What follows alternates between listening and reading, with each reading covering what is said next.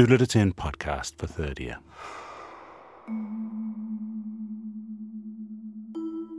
Det her er en ud af tre tidsrejser, som vi har lavet i samarbejde med Glyptoteket i København.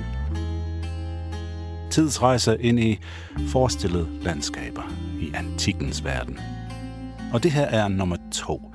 En rejse tilbage til antikkens Rom, og titlen på den her podcast er i Gaius Caligulas tid, eller den alternativ titel, som er Hvordan man ikke skal regere et imperie med tømmermand. Kender du følelsen, at du har lidt stress på dit arbejde? Du stresser, fordi du har et job, du måske ikke helt magter. Du vil hellere slappe af og hænge ud med dine venner. Måske fester du lidt for meget, fordi du er ung, og det her er dit første rigtige job nogensinde. Denne historie handler om en ung mand med præcis det her problem. Og mange flere problemer end der. For at mødes med den unge mand, skal vi først finde ham. Og det betyder, at vi skal besøge ham i hans sommerhus. Og det ligger i en meget smuk sø, som ligger i et vulkankrater lidt syd for Rom i Italien. Søen hedder Nemi-søen. Og ja, tidsmæssigt er vi omkring år 38. Og det betyder, at vi selvfølgelig er nødt til at rejse tilbage i tiden. Næsten 2000 år. Så her kommer lydeffekten, som skal forestille en tidsmaskine, så du ikke er i tvivl.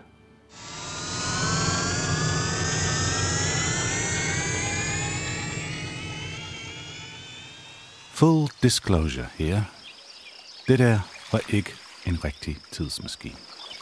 Men hvis man skal lave reportage for oldtiden, skal man finde på en eller anden smart løsning. Hej Martin, kan du høre mig? Ja, ja. Og heldigvis har 30'ers Martin Birgit Schmidt sagt ja til at blive sendt tilbage til antikken for at lave reportagen. Jeg padler en lille træjolle her i søen. Øhm, Den er ligesom et spejl, den her sø. Og, og, og i antikken kaldte de det også øh, for Dianas spejl, simpelthen. Det her er arkeologen Birte Poulsen, en af vores tre eksperter på den her podcast, og hun har lavet udgravninger omkring Nemisøen, der hvor vi nu befinder os. Det er ikke nogen stor sø. Det er faktisk et, en, et lille bitte, meget dybt hul. det er altså et fortryllende sted. Det er et fuldstændig øh, fortryllende. Og midt på den fortryllende sø ligger to kæmpe store skibe. Helt stille. to enorme skibe midt på, øh, midt på søen. Og så de her to gigantiske skibe, som ligesom lå og flød rundt ude på, på den her lille sø. Halvdelen af søen er henligger nærmest i skygge. Øh, der er, men, men de funkler, der er kovertag og juveler på agterstavnene, og sejlene er i forskellige farver. Øh, det er som, at dækket, det, jeg tror, det er marmor eller sådan noget. Det, det skinner i hvert fald tilbage, og der går folk derhen.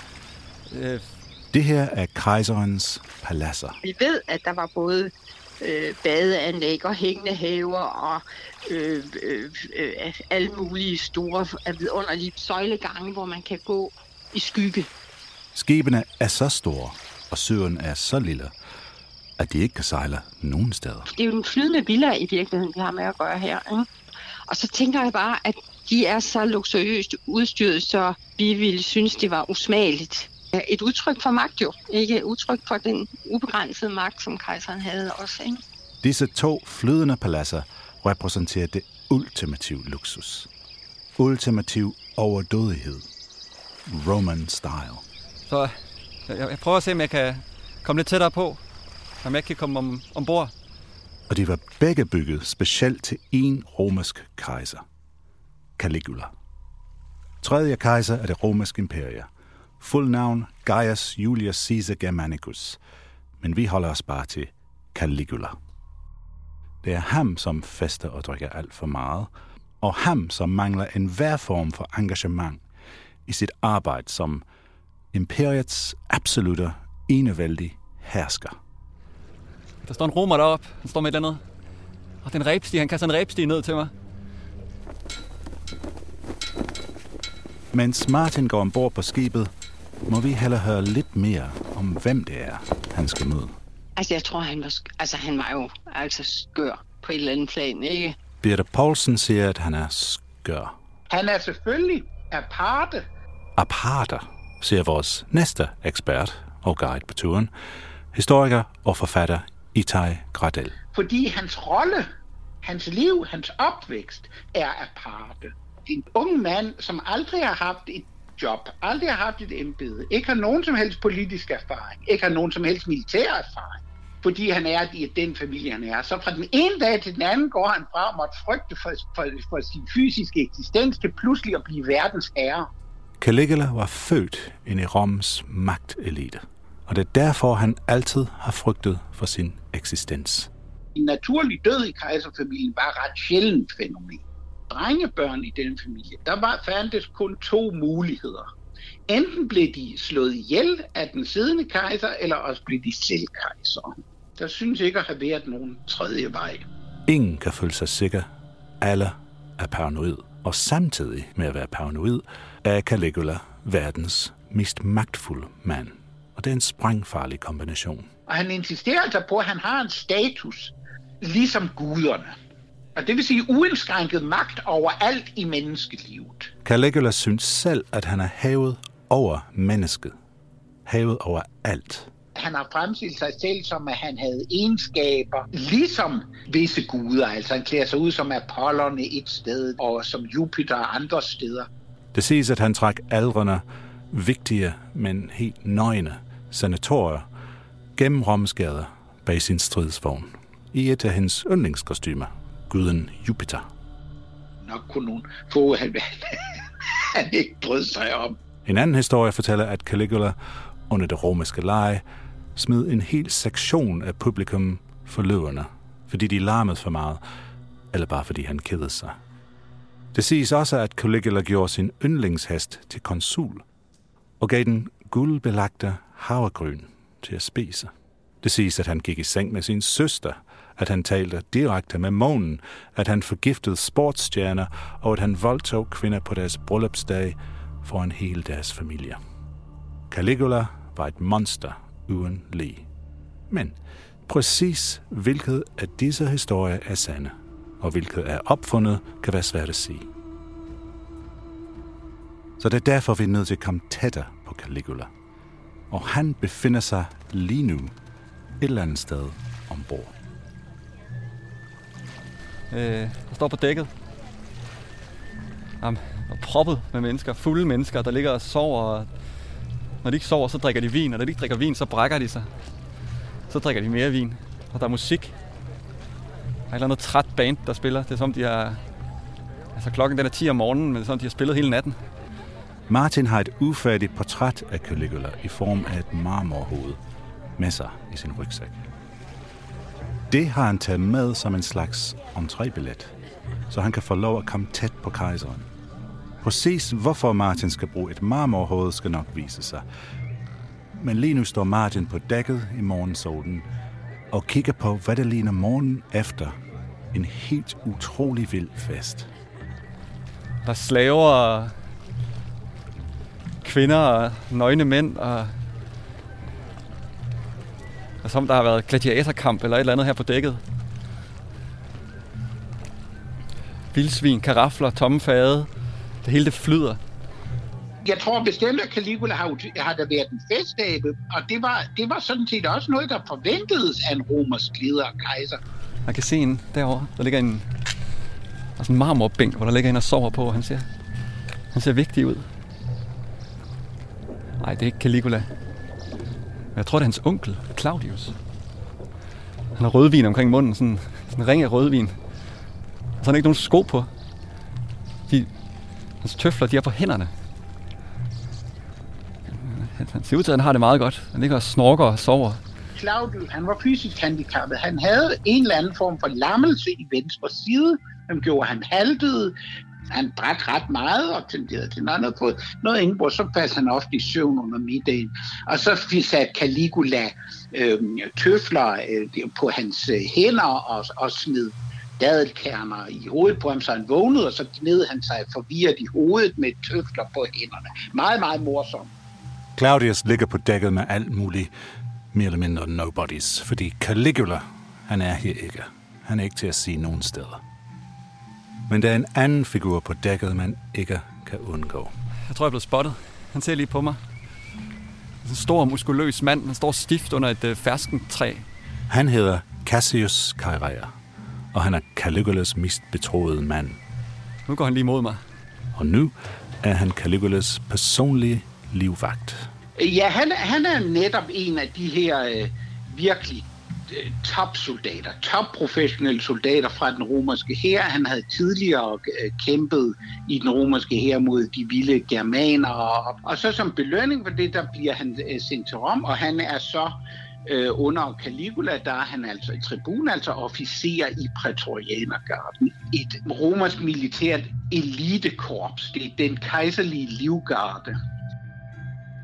Det var Kairea, som fik overtalt senatet til at acceptere den unge Caligula som den nye kejser af Rom. Og han har en hel hær af soldater under ham. De hedder Praetorianergarden. Og de sørger for, at ingen kommer tæt på kejseren. Det er nu, jeg skal hive marmorhovedet op af tasken. Tid til, at Martin prøver fidusen af med at lade som om han gerne vil ind til Caligula for at portrættere ham i marmor. Worth a try, Martin. Held og lykke. En gang var det Tiberius, sådan en marmorportræt af den tidligere kejser. Men jeg blev nødt til at hugge det om. Så jeg har, jeg har barberet næsen lidt ned, så den er lidt mere fladtrykt, og jeg har plattet ørerne op med gips, så de flyver lidt mere. Sådan, Det var slet ikke unormalt at lave marmorhoveder om fra den ene kejser til den næste. Så altså, det går jo ikke, hvis man går fra en tynd kejser til en tyk kejser. Men fra en tyk kejser til en tynd kejser, så ligger den lige til højre ben. Så er det jo helt oplagt. Så, så, kan man, så er der noget at tage af. Det, det ligner ret godt Caligula, synes jeg. Skal vi håbe på, at han, øh, han køber den. Martin er desværre ikke nogen særlig god billedhugger. Faktisk er han pisse dårlig. Og hans arbejde kun forstås som en hån til den unge og salfede kejser. Martin risikerer at blive smidt i syden. Men heldigvis er Kairea temmelig irriteret på sin kejser for tiden. Faktisk er han ved at være virkelig, virkelig træt af ham. Han bliver jo sur på Caligula, kan man roligt sige, eller de kommer i konflikt, fordi Caligula øh, driller ham og håner ham. Åbenbart havde Carrera stemmeføring ret højt toneleje. Øhm, og det gjorde Caligula nar af og antydede, at han var kvindagtig og lidt feminin i det, øh, og drillede ham hele tiden med det. Og, og, og det er jo en, en rigtig romersk elitesoldat synes ikke sådan noget morsomt. Caligula har vist sig at være den værst tænkelige chef. Og Kairea kan intet stille op, fordi hans chef har absolut magt over alle og enhver. Hver dag så giver kejseren til den vagthavende officer øh, kodeord øh, kodeordet for det kommende nat og dag. Og der valgte Caligula altså forskellige diverse kodeord med sjoflebetydninger og sådan som, som han brugte. Øh, selv synes var sjovt at bruge, når det var Kairea, altså havde den chance som, som vagthavende officer. Han ser ned på marmorhovedet, og tanken om et jammerligt portræt af Caligula, det tiltaler ham. En passende havn. Bingo, Martin. Nu får du adgang til selveste Caligula, som lige nu er i spagbaderne under dækket. Okay, nu bliver Carrera viser mig ned til baderne. Enorme både det her, der er mørkt. Det er fakkelskær hernede.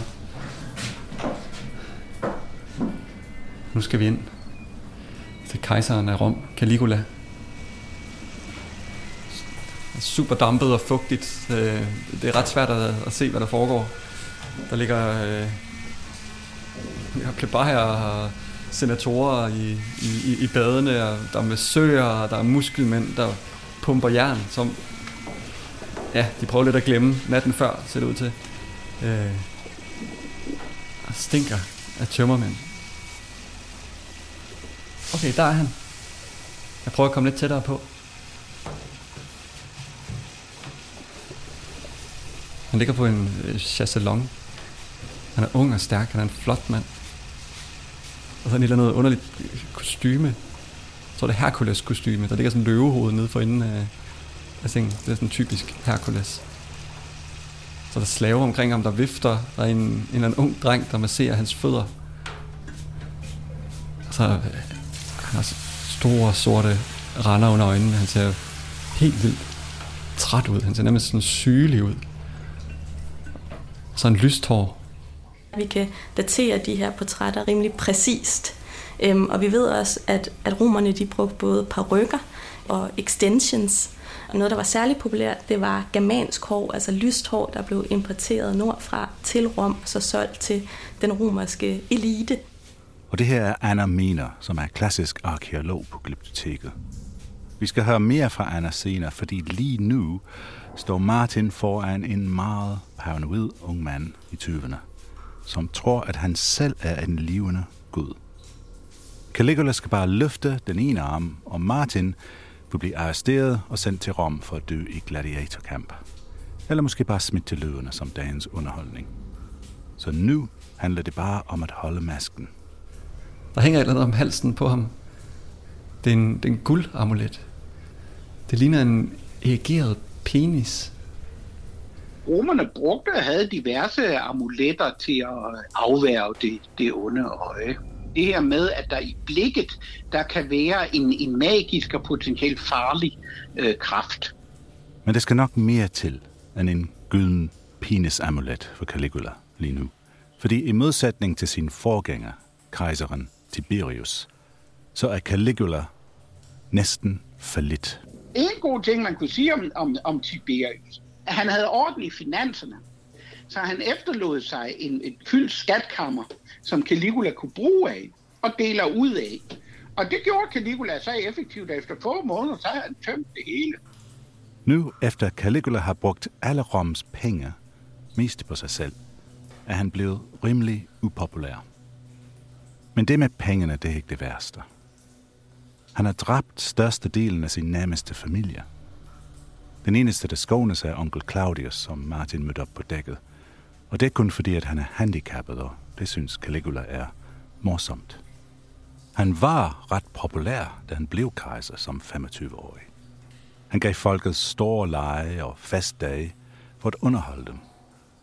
Men alt det har ændret sig nu.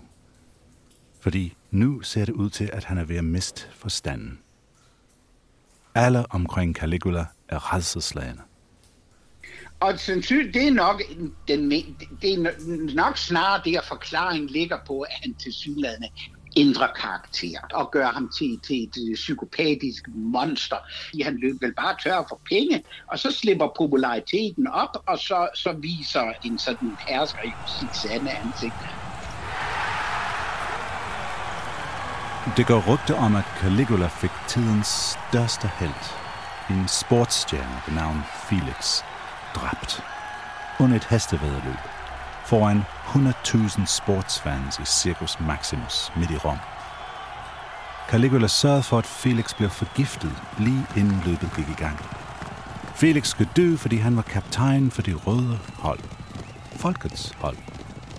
Men Caligula, han var stor fan af det grønne hold. Der var jo ret sådan dedikeret fanskare til de her forskellige hold, som deltog i hestevedløbene. Der var fire hold, og Caligula, han var vild med det grønne hold. Felix, han vandt alt. Han vandt hele tiden. Og Caligula kunne ikke fordrage, at andre var mere populære end ham selv. Så Felix, ja, Felix had to go. Og det er denne mand, Caligula, kejseren af det romerske imperium, som lige har fået øje på Martin og hans jammerlige portræthoved. Nu vinker han til mig, så jeg skal komme nærmere. Og nu er det nu. Nu skal jeg vise ham hovedet. Det er min entrébillet. Det er den, jeg skal... Ja, hvis jeg skal lov til at være her, så er det, så er det den. Så jeg hiver den lige op af tasken. Jeg kan godt se her i lyset. Det ligner sgu ikke, det ligner sgu ikke særlig godt. Jeg gættede jo også lidt. Jeg har ligesom ikke set ham før, men øh, øh, ja, lad os prøve at se, hvad han siger. Caligula, han kan godt lide portrætter af sig selv. Og han har brug for en hel masse ny. Fordi han har tænkt sig at erstatte alle hovederne på Jupiter-statuerne i Rom med hans eget hoved. Altså, han smiler. Jeg tror så godt, han kan lide det. Så Martin får jobbet. Og han kommer med Caligula til Rom.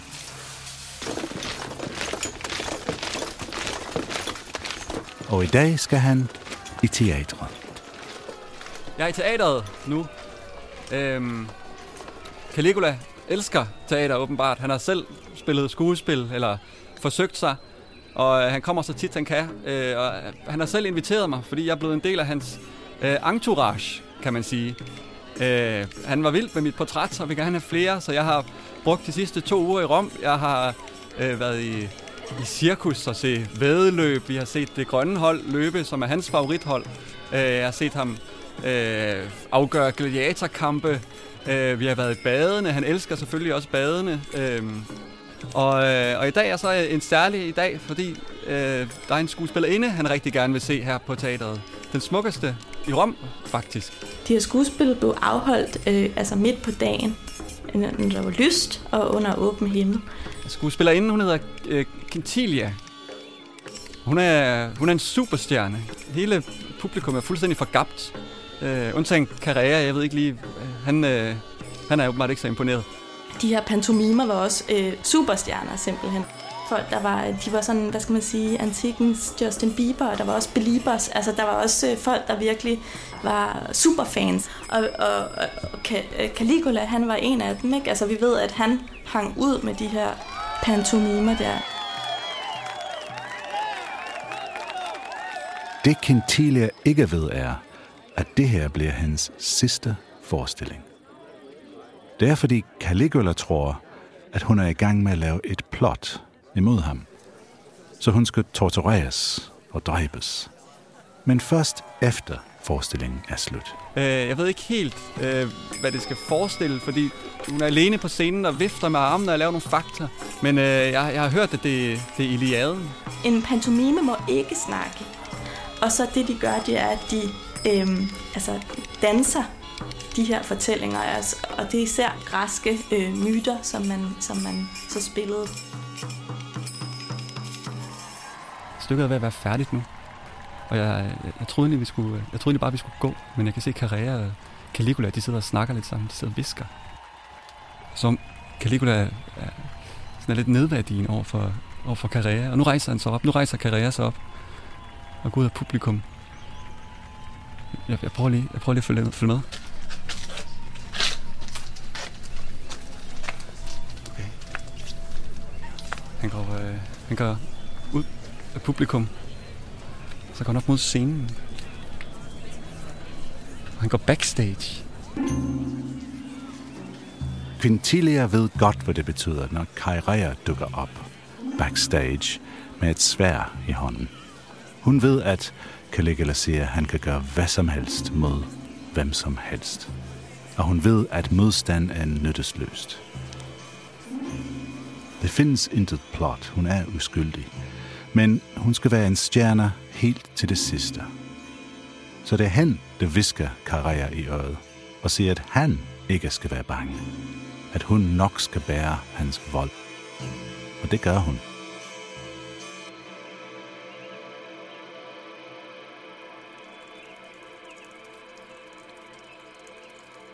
Jeg er tilbage i Caligulas palads. Han har bedt mig om at lave et portræt af ham. I dag har han et øh, Hermes kostume på. Det er en halv toga og sådan en hjelm med sådan nogle små øh, vinger på. Jeg synes, det vil blive lidt meget måske, men, øh, men det er nu mit job. Nu kommer Karea. Han er dækket i blod, og han bærer på en kvinde, han er over skulderen. Det er hende der fra i går, en Quintilia, den smukkeste kvinde i Rom. Hun er helt, hun er helt sønderbanket, hun bløder, hun ånder endnu, kan jeg se, men nu kan Caligula hen til, hen til kvinden og løsner rebene på hende. Hun binder hende op støtter hendes ryg. Caligula skælder Carrea ud. Carrea har gjort sit arbejde med at torturere Quintilia så godt, at Caligula får medlidenhed. Og så skifter han mening. På stedet dropper Caligula alle sine beskyldninger om plottet og insisterer på at give Quintilia en masse penge som undskyldning for Kaireas brutalitet og inkompetencer. Altså, det bliver gjort til, at det, det, er, det er bødelens skyld, det er ikke statsmagtens skyld, ikke? Altså, så... Altså, der ligger jo det, selvfølgelig det i det, at Carrera bliver tillagt ansvar, som om han er gået længere, end Caligula egentlig ville have, ikke? Kairea er nu blevet godt træt af Caligula. Han kan ikke mere. Caligula er gal og fuldstændig ud af stand til at regere Rom. Mere end det. Nu har Caligula fornærmet Kairea personligt for sidste gang. Det er helt specielt dumt at fornærme en mand som Kairea. Det er, det er en bevæbnet elitesoldat i kejserens umiddelbare fysiske nærhed med kommando over øh, soldater. Det er nok, det er nok den, den, den dummeste det dummeste sted, man, man kan lægge sine provokationer overhovedet. Så Kairea beslutter sig. Caligula skal dø. Kairea går til den royale garde og til de ydmygede senatorer. Der er nok ofre fra Caligulas galskab at snakke med. Alle har fået nok. Og alene de her historier om, hvordan han, han provokerede øh, karriere, viser, viser at Caligula, han var, han var jo fuldstændig, altså han var politisk suicidal. Ikke?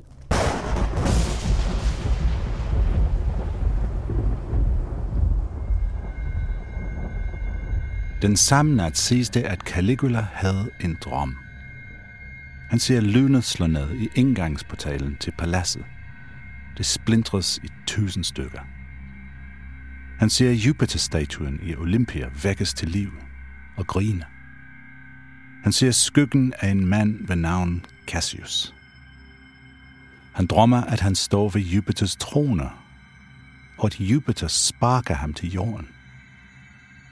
Hans drøm er et varsel. Så næste dag går Caligula til orakel. Oraklet i Antium samler de hellige høns og kaster grøn til dem. I sit nye Hermes kostyme og med en endnu større penisamulet om halsen, stiger Caligula på hønsene. De hellige høns putter grønene i næbet, men de kan ikke holde dem. Grønnerne falder til jorden. For oraklet i Antium kan det kun betyde én ting.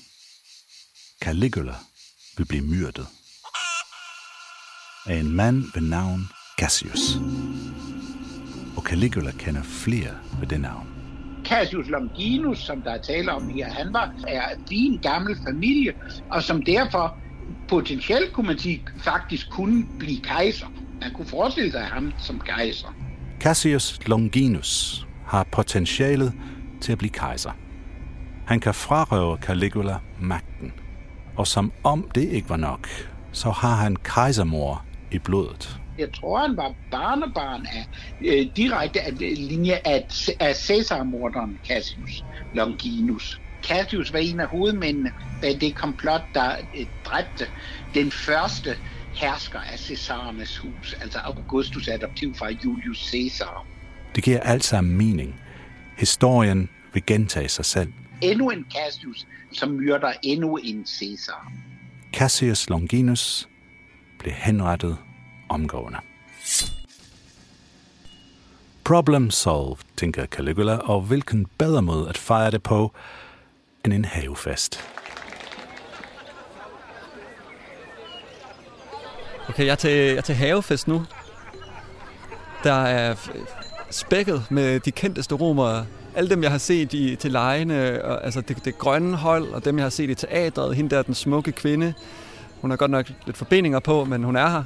Øh, der er senatorer, Carrera er her, han står over i hjørnet.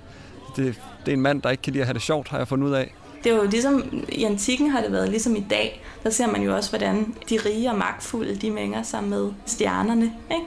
Sådan så at de kunne drysse en lille smule stjernestev ud over deres banketter eller havefester, eller hvad det nu var. Caligula var en af dem, der elskede det. Altså han elskede det, det hele.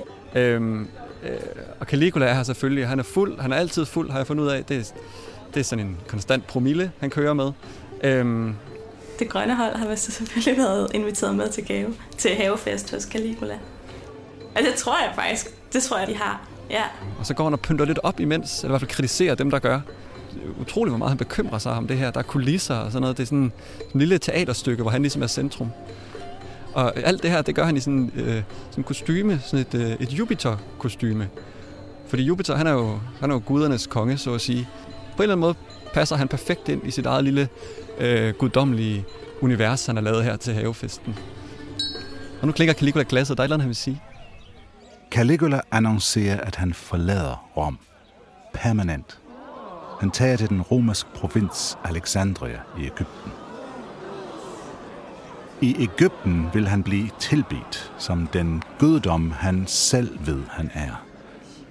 Og han vil være fri for alle de fjender, der nu omringer ham i Rom efter fire års dårlig opførsel. Det giver sådan set god mening, fordi i Alexandria, Ægypten, er der slet ikke alle de her tvetydigheder, hvad angår kejserens rolle og status, som der er i Rom. I Alexandria, de er vant til, det er et monarki, og deres, deres konge er simpelthen sådan en quasi-guddom, og han er konge, altså alt er, der, der er ikke øh, nogen problemer i det. Og det er, det er vel sådan en form for statsforfatning, som Caligula egentlig så tænker sig at gerne ville have indført, også i Rom. Okay, Caligula han vralter ned af scenen nu. Han har lige holdt en tale, hvor han siger, at han forlader Rom. Han vil til Alexandria. Men jeg kan se over hjørnet, der står Carrera sammen med et par senatorer. Altså, de kigger ned i jorden og visker lidt til hinanden. Hvis Caligula nu tænkte sig om, vil det gå op for ham, hvor stor far han er i lige nu. Fordi Cassius Longinus, ham som han lige fik dræbt, er selvfølgelig ikke den eneste Cassius, som er tæt på kejseren. Kejseren får et orakelsvar, men, men misforstår det. At det er den forkerte Cassius simpelthen. Det er en anden mand, der også hedder Cassius. Cassius, det er hans familienavn, og Carrera er hans personlige tilnavn. Cassius Caesarea.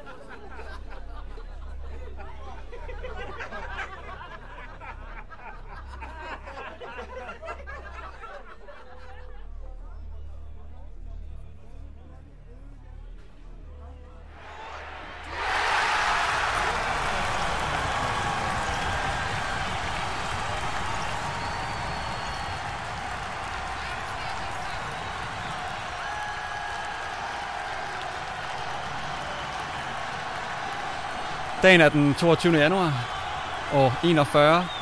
Caligula har været kejser i fire år, og jeg har været, det er begge to, pænt fulde i sådan fem dage nu. Den her fest, den er fortsat øh, u- uafbrudt nærmest, øh, siden Caligula dræbt øh, Cassius Longinus og besluttede sig for at tage til Alexandria. Og i dag, det er en rigtig stor dag, for i dag det er festens afslutning. Vi er på Circus Maximus simpelthen. Og vedløbet, hestevedløbet skal til at i gang. Det er øh, stridsvogne løb. Et, et, et gigantanlæg.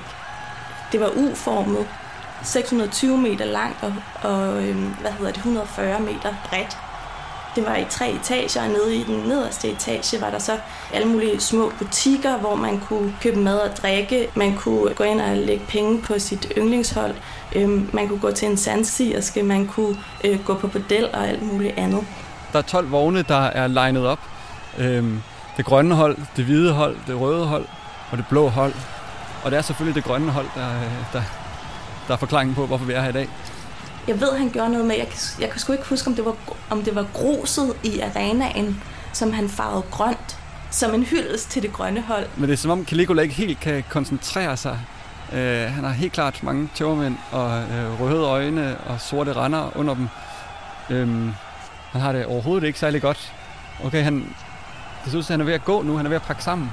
Okay, jeg prøver lige at følge, jeg følger efter. Men i hvert fald så er det en pause i, hvad der foregår der. Der, der tager han sig tilbage og, og vil, vil tage bad, eller på vejen af den undergrundspassage, der møder han så et drengekor. Øh, og så, så øh, taler han lidt med de drenge. Så nu er han nede i de, en af tunnelerne på vej mod øh, paladset. Jeg tror måske, han skal i bade eller et eller andet. Carrera er der. Og Prætorianergarden er der. Nej. De stikker ham. Altså, det er, de, de giver sig til at dolke ham.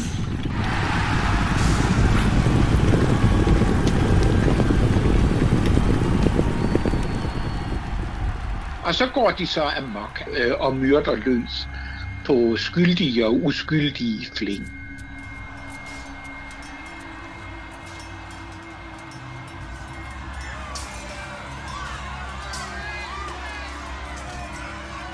Det her har ikke været nøje planlagt. Det har ikke været tid til det. Der er kaos i Roms gader. Ved et kejsermor skal man gøre alt, hvad man kan, for at sikre, at ingen i kejserens familie eller støttekreds kan nå at slå igen. Alle dem, som ikke flygter eller gemmer sig godt nok, skal dø. Og helst i dag. Da Caligula bliver dræbt, så er det jo ikke bare ham, der bliver slået ihjel. På samme tid eller umiddelbart efter, der er der også soldater, som stormer ind i paladset og slår Caligulas kone ihjel og hans lille datter. Prætanergarden er gået amok. De er taget til Caligulas palads for at lede efter overlevende. De har slået hans kone ihjel, de har slået hans barn ihjel, og jeg går nu sammen med en af dem og leder efter overlevende. Vi går ned ad en, en gang. Der er en altandør, der står åbent, og et gardin, der står blaffer. Og under gardinet, der er et par tøfler. Det er Claudius. Øh, hans fødder stak ud under gardinet, så han, han, han var ikke så god til at gemme sig. Caligulas onkel, ham jeg så på hans glædesbåd, ham der sov med vin om munden og tøfler på hænderne. De finder ham øh, bag gardinet, og Claudius tror efter sine selv, de kommer for at øh, henrette ham, men i stedet for tager de ham med sig til prætorianerlejren. Prætorianergarden løfter ham, tager ham op på skulderen og tager ham med. Claudius undslipper altså. Kairea og prætorianergarden har samlet sig uden for byen, hvor de diskuterer situationen. I et tilfælde og en forvirring har de båret den trætte og bange onkel Claudius på deres skuldre ud af paladset og hele vejen til prætorianerlejren. Prætorianergarden er blevet bekymret. Men det er altså, at prætorianergardens hele eksistens og privilegier afhænger jo af, at der er en kejser. Men hvem skal være kejser? De har dræbt Caligula, og Caligula har i sin paranoia selv dræbt alle andre mulige efterfølger. Tilbage i Rom diskuterer senatet, for de har øjnet en mulighed. Kejserdømmet kan opløses, og Rom kan blive en republik igen. Men ligesom prætorianergarden er de også begyndt at bekymre sig. For de kan ikke blive enige. De kan ikke beslutte sig for, hvem af senatorerne der er, der skal lede Roms nye republik. Det er klassisk italiensk politik. Der er kun én løsning for både garden og senatet. Endnu en kejser. Og der er kun én oplagt kandidat tilbage. Og, og der, er så, der er jo ikke andre end Claudius. Claudius, det fordrukne mobberoffer, som Caligula synes var så morsom på grund af hans handicap, er nu kejser. Den nye absolute hersker over hele det romerske imperium. Han er faktisk ret belæst, og han har aldrig fornærmet nogen. Og det ser ud til, at det ikke var hans idé at tage magten. Claudius fremstår ydmyg og som en mand af folket i Rom. Man skal blive kejser, fordi det er romerfolkets øh, samdrægtige enige ønske, at det er, det er lige præcis ham. Øh, det forventes altid, at hvem, den, der får tilbudt kejsertronen, at han skal sige nej og skal lade sig nøde og skal lade sig det påtvinge. For det må ikke ses som et udtryk for personlig ambition. Men måske har det været en maske. I Roms kejserlige reality show spiller man spillet for at overleve. Altså, det påstod Claudius jo selv, at han havde spillet, at han havde spillet dum for at redde livet. Det påstod han selv, da han blev kejser. Han var slet ikke så dum, som han havde virket, men det var, det, det var et skuespil, han havde, han havde lavet for at, netop for at redde livet. Øh, om, om, vi, om man så tror på det eller ej, det, ja, det, det må man jo sige. Det kan, jo, nej, men det, det, det giver da god mening. Hvor, altså, hvorfor skulle det, skulle det ikke være rigtigt? I så fald er Claudius mesterplan forløbet fejlfrit. Om han var genial, det kan man på en måde godt sige, fordi at, øh, hele formålet med, med, med det spil i den familie og vejen mod magten, det er, en, det er mere primært end magten selv og dens udøvelse. Så er det jo ren, rå, fysisk overlevelse. Og der må man jo sige om Claudius, at det lykkedes ham at overleve. Det går mindre godt for kejserdræberen, Cassius Chaerea. Ingen forstår bedre end Claudius, hvor farlig Chaerea er. Det var Carrera, som fik sat Caligula på magten, kun for at dræbe ham fire år efter. Og nu er Claudius selv kommet til magten med hjælp fra selv samme mand. En af Claudius' første handlinger som kejser er at få Kairea dømt til døden. Claudius klarede sig som kejser i 14 år. Den fødte overlever. Han døde som 63-årig, formentlig forgiftet af sin kone. You can't win them all. Jeg er ved at være færdig. Jeg har slæbt rundt på, øh, på det her marmorhoved i, i rigtig lang tid nu, og jeg har arbejdet på det. Det er lige om lidt ville det være et perfekt portræt af Caligula. Men der er ingen, der gider købe det længere, fordi nu er Claudius blevet kejser. Så jeg skal på den igen. Jeg har lavet Tiberius til Caligula, og nu skal det være Claudius. Og heldigvis så er han lidt tyndere, end Caligula var. Det findes ikke så mange statuer af Caligula mere. De har et par stykker ind på glyptoteket. Marmorportrætter af en ung mand med et alvorligt blik. Jeg vil, lige før jeg vil sige, at jeg tror næsten de fleste Claudius-portrætter, eller en meget stor del af dem, var oprindelige Caligula-portrætter. Så jeg har taget lidt af, jeg har taget lidt af næsen her. Gjort den sådan en lille smule mere smal. Og så er der ørerne, hvor Caligulas de måske fløj en lille smule, så er, er Claudius det Med den lyd af en fake tidsmaskine, der henter Martin tilbage til nutiden, er det slut for den gang. Næste gang du føler dig lidt stresset og ikke magter at lave dit job, så skal du måske holde en fridag og kigge forbi Glyptoteket og hilse på Gaius Caligula. Og vær glad for, at du ikke trods alt er verdens hersker.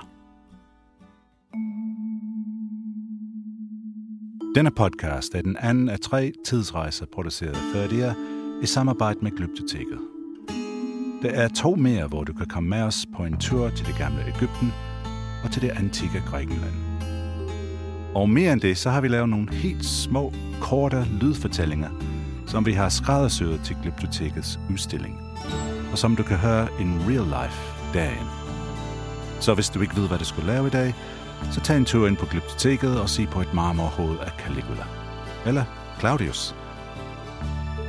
En stor tak til arkeologen Birte Poulsen, historiker og forfatter Itai Gradel, og til klassisk arkeolog ansat på Glyptoteket, Anna Miner.